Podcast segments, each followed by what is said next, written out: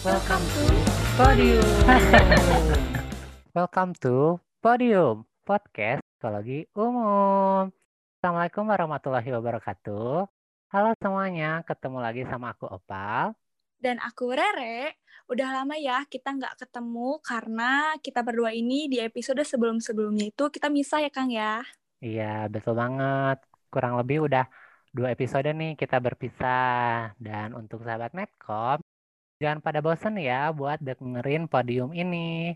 Karena kita bakal ngebahas hal-hal yang menarik tentunya. Seperti di episode kali ini, kita bakal ngebahas satu tema yang informatif. Dan pastinya gak asing bagi sahabat Medcom semua. Tapi sebelum kita ngasih tahu temanya, kita mau ngucapin terima kasih buat semua sahabat Medcom yang udah masih setia dengerin podium. Dari awal sampai sekarang dan harus sampai seterusnya dong ya. Tentunya dong harus sampai berakhir podiumnya. Nih. Iya. Seperti, ya seperti yang tadi aku uh, kasih tahu tema kali ini menarik banget yaitu tentang people pleaser. Nah, mungkin sebagian sahabat Medcom ada yang udah tahu nih sama istilah ini dan mungkin juga ada yang belum tahu sama sekali tapi nggak apa-apa tenang kita bakalan ngasih tahu tentang uh, people pleaser itu sendiri nah people pleaser ini adalah sebutan bagi seseorang yang selalu berusaha melakukan atau mengatakan hal yang menyenangkan untuk orang lain meski bertentangan dengan apa yang ia pikirkan atau rasakan ini ia lakukan agar orang lain tidak kecewa padanya menurut Merriam-Webster dan Susan Newman. Hmm, jadi bisa dibilang people pleaser itu orang yang lebih mengutamakan orang lain dibanding diri sendiri ya Kang ya. Hmm. Dan ini aku juga punya pengertian dari people pleaser yang diambil dari Cambridge Dictionary. Uh, katanya menurut Cambridge itu istilah people pleaser itu mengarah pada orang yang selalu berusaha memberikan perhatian pada orang lain, sangat memedulikan pendapat orang lain dan juga berusaha supaya semua orang di sekitarnya menyetujui serta menyukai segala sesuatu yang ia lakukan. Ya, benar nih, Re. Nah, ini juga ada uh, seorang psikolog bernama Ami Morin. Jadi, beliau ini punya uh, beberapa klien yang merupakan seorang people pleaser. Nah, yang dialami oleh klien kliennya ini adalah mereka ini nggak bisa bedain mana yang dimaksud dengan membahagiakan orang lain dan menjadi uh, seseorang yang baik. Nah, ketidaktahuan ketidaktahuan mereka inilah yang membuat seseorang uh, people pleaser tidak sadar bahwa menjadi orang yang terlalu baik bisa menjadi sesuatu yang membahayakan kesehatan mental mereka sendiri. Wah, ternyata hal yang nggak kita sadarin itu juga bisa mempengaruhi bahkan membahayakan kesehatan mental kita ya Kang ya. Mm-hmm. Nah, sebelumnya kan kita itu udah nge-share di IG story tentang people pleaser. Dan hasilnya ternyata memang nggak sedikit dari teman-teman yang nggak tahu sama istilah people pleaser ini. Tapi mereka juga merasa termasuk orang-orang yang selalu gak enakan sama orang lain, juga gak bisa gak bisa nolak tawaran dan permintaan orang lain dan lain-lain. Iya nih, nah dari yang data kita dapat dari uh, story itu juga bahwa teman-teman ini yang udah tahu sama people pleaser ini ada mengatakan bahwa orang people pleaser itu orang yang mementingkan kepentingan orang lain daripada kepentingan dirinya sendiri. Susah atau nggak bisa nolak permintaan orang lain demi untuk membahagiakan orang tersebut. Iya benar Kang. Jadi rata-rata teman-teman itu taunya kalau people pleaser itu orang yang selalu susah untuk bilang tidak sama orang lain.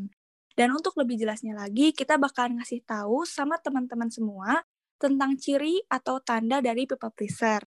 Dan selain sharing mengenai klien-kliennya yang banyak merupakan seorang people pleaser, uh, psikolog Amy Morin yang tadi Kang Opa bilang juga mengemukakan tentang ciri dari people pleaser itu sendiri, yaitu yang pertama, Orang yang merupakan people pleaser itu selalu berpura-pura menyetujui pendapat dan pilihan orang lain untuk disukai oleh orang lain.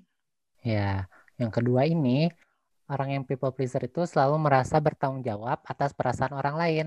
Mereka ini selalu berpikir memiliki kemampuan atau kekuatan untuk membuat seseorang bahagia. Padahal berpikir seperti itu adalah suatu masalah. Nah, tentunya pasti suatu masalah ya. Nah, yang selanjutnya adalah people pleaser sering meminta maaf kepada orang lain karena selalu menyalahkan diri sendiri secara berlebihan dan takut orang lain menyalahkan mereka. Ya, dan yang selanjutnya, people pleaser juga selalu merasa terbebani dengan hal-hal yang harus dilakukannya karena lebih memprioritaskan aktivitasnya sesuai dengan harapan orang lain. Dan yang kelima, people pleaser itu tidak bisa mengatakan tidak. Ini seperti yang udah uh, teman-teman banyak bilang di question box sebelumnya.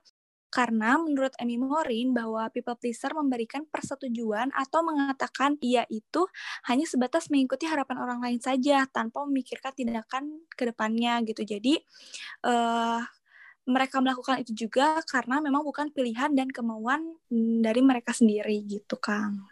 Hmm.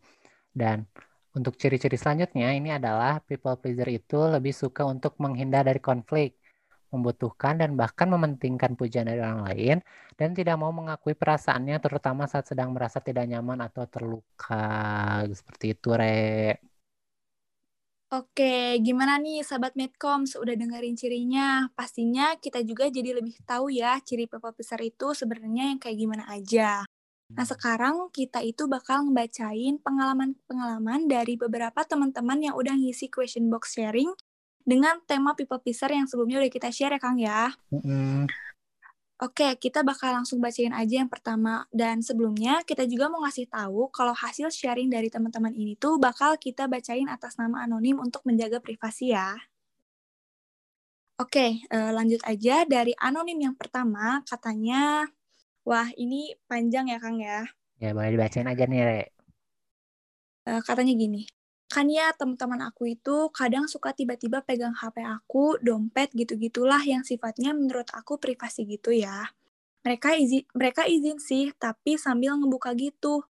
Pastinya emang orangnya akrab lah sama aku, tapi aku nggak suka aja mentang-mentang mentang-mentang akrab udah lama tapi sampai kepo segitunya. Aku juga mau nolak gak enak dan udah kepalang seringnya. Kepalang mereka udah megang dan udah mulai berpetualangan di HP sama dompet aku intinya. Aku mau nolak juga kan udah mau nanggung gak enak pula. Jadi suka ngedumel aja di dalam diri sendiri gitu dalam hati. Gak suka aja sebenarnya tapi nggak bisa ngomongnya. Tapi kalau gak ngomong ya bakalan kayak gitu terus. Sebel level maksimal pokoknya Nah, sedangkan kalau dipikir-pikir, aku aja nggak berani ke mereka kepo sampai segitunya dengan harapan aku nggak digituin sama orang. Tapi di luar ekspektasi ternyata, hmm. Jadi itu intinya dia tuh nggak enak untuk bilang jangan ya ke temennya yang suka buka HP dan dompetnya gitu kan ya iya karena juga gak enak ya Kang ya mungkin karena udah temen deket ya. tapi di sisi lain juga nggak suka karena emang dompet sama HP itu emang privasi banget gitu ya jadinya dia lebih ngedumel di dalam hatinya sendiri ya jadinya ada perasaan tidak enak ya. dan gak diungkapkan sama uh, kakak satu ini nih mm -mm. lanjut aja kalau gitu ya Ya. Cerita yang selanjutnya ini, aku bacain ya, ini juga lumayan panjang nih. Kayaknya ya. aku baru ngalamin deh. Jadi setiap siapa pun yang minta tolong selagi aku bisa, aku pasti selalu mengusahakan sebisa aku. Apalagi teman aku sendiri, tapi mungkin aku pikir yang dia tangkap beda ya, dan ini enggak sekali atau dua kali. Nah ini adalah teman kuliahnya nih. Dan sampai akhirnya kemarin lagi UTS dia minta tolong yang sebetulnya itu udah kelebihan kapasitas aku banget padahal aku tahu aku bakal sangat kesulitan tapi aku tetap mengiyakan kata dia waktu itu ujiannya diburu waktu dan sistematikanya ribet juga ribet banget pokoknya uh, eh, UTS-nya terus temennya ini minta tolong untuk ngerjain dan ngumpulin dengan alasan dianya mau COD Aduh. Aduh. COD kan agak kesel gimana gitu ya tapi aku nggak bisa nolak juga karena aku nggak mau orang terdekat aku kecewa juga dan itu rasanya enak banget kayak kemarin tuh udah puncaknya banget aku udah muak gitu loh dan akhirnya aku sedikit sadar kalau aku juga nggak bisa membebankan diri aku sendiri dengan alasan gak mau orang lain kecewa. Aku nggak bisa jadi superhero yang bisa nyelesain permasalahan permasalahan sekaligus selain nolak. Sebenarnya aku juga bisa bilang aku selesaiin yang aku dulu ya baru yang kamu uh, satu persatu. Ini agak gimana ya nah, ya ceritanya ya? Agak mengganjal juga ya agak ya kita mengganjal, ya. kesian ya iya karena ya walaupun sedekat apa pun sama temen mm-hmm. kayaknya nggak gitu-gitu banget juga ya Kang ya maksudnya eh, tetap harus mengutamakan pendidikan nih karena lagi UTS dan ini yeah. temennya malah uh, mementingkan COD-nya. Iya. Minta tolong Aduh, untuk ngerjain dan ngumpulinnya dan tapi sebenarnya kakak ini tuh udah bagusnya adalah dia itu sadar bahwa sebenarnya dia itu bisa aja untuk nolak tapi ya uh, kembali lagi dia nggak enak sama temennya itu kayak gitu nih Re. Hmm. Tapi uh, udah ada insight gitu ya bahwa aku hmm. tuh harus ngutamain diri aku sendiri dan harus bisa ngasih penegasan ke orang lain bahwa uh, gak bisa seenaknya gitu kamu gitu ke aku gitu ya mungkin. Iya benar kayak gitu. Oke, kita lanjut ya Kang ya. Boleh. Nah, ini ada dari anonim selanjutnya. Ini, wow, lumayan panjang juga nih sama kayaknya. Katanya, kalau aku sendiri sebenarnya nggak akan sadar kalau aku people pleaser kalau teman-teman aku nggak ngasih tahu. Karena nggak tahu kenapa aku merasa aku ngelakuin apa pun itu karena emang niat aku baik, pengen bantu orang lain dan tanda kutip gak enak kalau nolak. Karena aku tahu rasanya ketika dimintain tolong tapi nggak ada satupun yang bisa bantu untuk gak bisa bantu tuh gimana rasanya. Cuman memang jadinya kadang ada sebagian orang yang kalau minta tolong jadinya maksa dan malah seenaknya. Kadang aku juga ngerasa gak nyaman, tapi ujung-ujungnya tetap aku paksain karena rasa gak enak tadi. Karena aku takut dibilang sombong, dibilang jahat, terus jadinya terus jadi bahan omongan. Kalau aku gak bantuin, pada akhirnya aku tetap bantu orang itu walaupun dia gak sopan minta tolongnya. Apalagi sampai maksa pernah beberapa kali aku coba buat nolak tapi nggak tahu kenapa malah jadi kepikiran kayak aku bener gak ya kayak gini? Kasian juga aku jahat banget masa nggak mau bantuin? Dia ngomongin aku nggak ya gara-gara ini? Sampai kayak gitu lebay sih tapi itu sebenarnya sering kejadian. Cuman pada akhirnya e, karena aku juga gak tahan kalau diperlakukan seenaknya aku cerita ke teman-teman dan mereka selalu ingetin bahwa nggak apa-apa kalau aku gak mau dan gak bisa lakuin yang kalau gak bisa lakuin ya tolak aja. Walaupun kadang akunya bandel tetap bantuin. Cuman seenggaknya sekarang aku juga udah mulai belajar buat berusaha menolak hal yang emang sekiranya aku gak mampu dan gak akan dan gak akan maksain cuman karena sekedar gak enak. Masih banyak belajar dan usaha walaupun masih tetap kepikiran, tapi seenggaknya lagi berproses. Gitu katanya Kang. Hmm, jadi kayak ini, ini ceritanya relate ya Kang ya? Iya relate banget ya. Uh, rata-rata orang-orang yang people pleaser tuh ngerasa gak enak karena berpikir kalau misalnya nggak ada yang bantuin aku juga gak mau gitu. Jadi ya bantu aja gitu. Dan suka uh, mereka ngomongin gak ya? Bilang aku jahat. Mm -hmm. itu benar-benar relate banget sih. Aku juga sering kayak gitu soalnya. Iya jadinya kepikiran terus ya. Jadi lebih baik dibantuin gitu daripada jadinya nggak enak dan takutnya diomongin kayak gitu kan ya kepikirannya. Mm, iya. Tapi sebenarnya ini jadi bagus ya. Hmm, bagus cerita ke temennya dan temennya juga uh, kasih saran bahwa bahwa ya tolak aja kalau memang nggak bisa dan nggak mau buat bantu gitu. Jadi ya kembali lagi. Iya jadi mungkin emang harus dimulai bahwa kalau udah sadar tuh benar-benar harus uh, di dimulai buat ngasih penolakan, ngasih batas batasan sama orang lain. Walaupun susah tapi minimal kita aware sama diri kita sendiri. Oh, kayaknya aku nggak wajar deh kalau gini terus gitu ya Kang ya.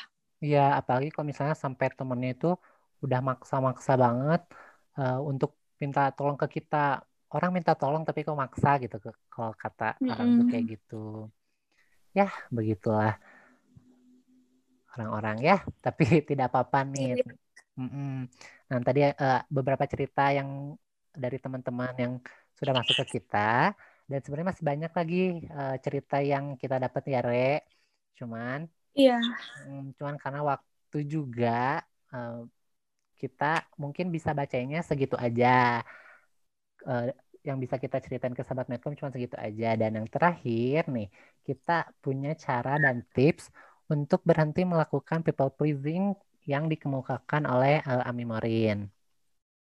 Iya betul Kang, ini juga pasti jadi part yang paling ditunggu sama sahabat Medcom tentang tips dan caranya. Langsung aja, jadi mulailah keluar dari kebiasaan menyenangkan orang lain dengan mengatakan tidak pada sesuatu yang kecil. Ungkapkan pendapat kita yang sebenarnya tentang sesuatu yang sederhana, atau ambil sikap untuk sesuatu yang kita yakini.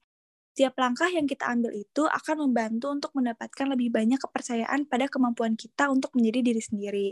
Karena kita tidak akan pernah mencapai potensi terbesar yang kita punya jika kita mencoba menjadi segalanya bagi semua orang. Iya, betul banget. Ingat ya teman-teman, utamakan diri sendiri dulu, baru uh, bisa mengutamakan orang lain. Nah, aku juga punya quotes nih, Re. Re, boleh-boleh. Apa tuh, Kang? Ini dari Patrick King. Be assertive, stop caring what other think, beat your guilt, and stop being a pushover. Wih, mantap. Tuh disimak ya, sahabat Medcom, disimak dengan baik dan dicerna tuh maknanya apa dan langsung direalisasikan gitu. Nah, eh, buat sahabat Medcom yang mendengarkan podcast ini dan yang sedang merasa sulit untuk mengontrol atau sedang berjuang untuk menghilangkan uh, kebiasaan people pleasing ini, teman-teman boleh ya cari bantuan uh, ke ahlinya seperti psikolog atau terapis.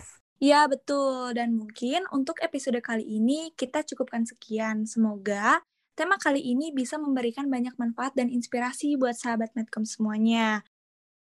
Dari sharing yang udah kita bacain tadi juga, semoga bisa jadi reminder buat teman-teman untuk lebih biasa dan lebih bisa mengutamakan diri sendiri dibandingkan orang lain dan juga bisa mengontrol diri untuk menghindari sikap yang kira-kira bisa merugikan orang lain kita harus bisa menghargai diri sendiri dan orang lain tentunya.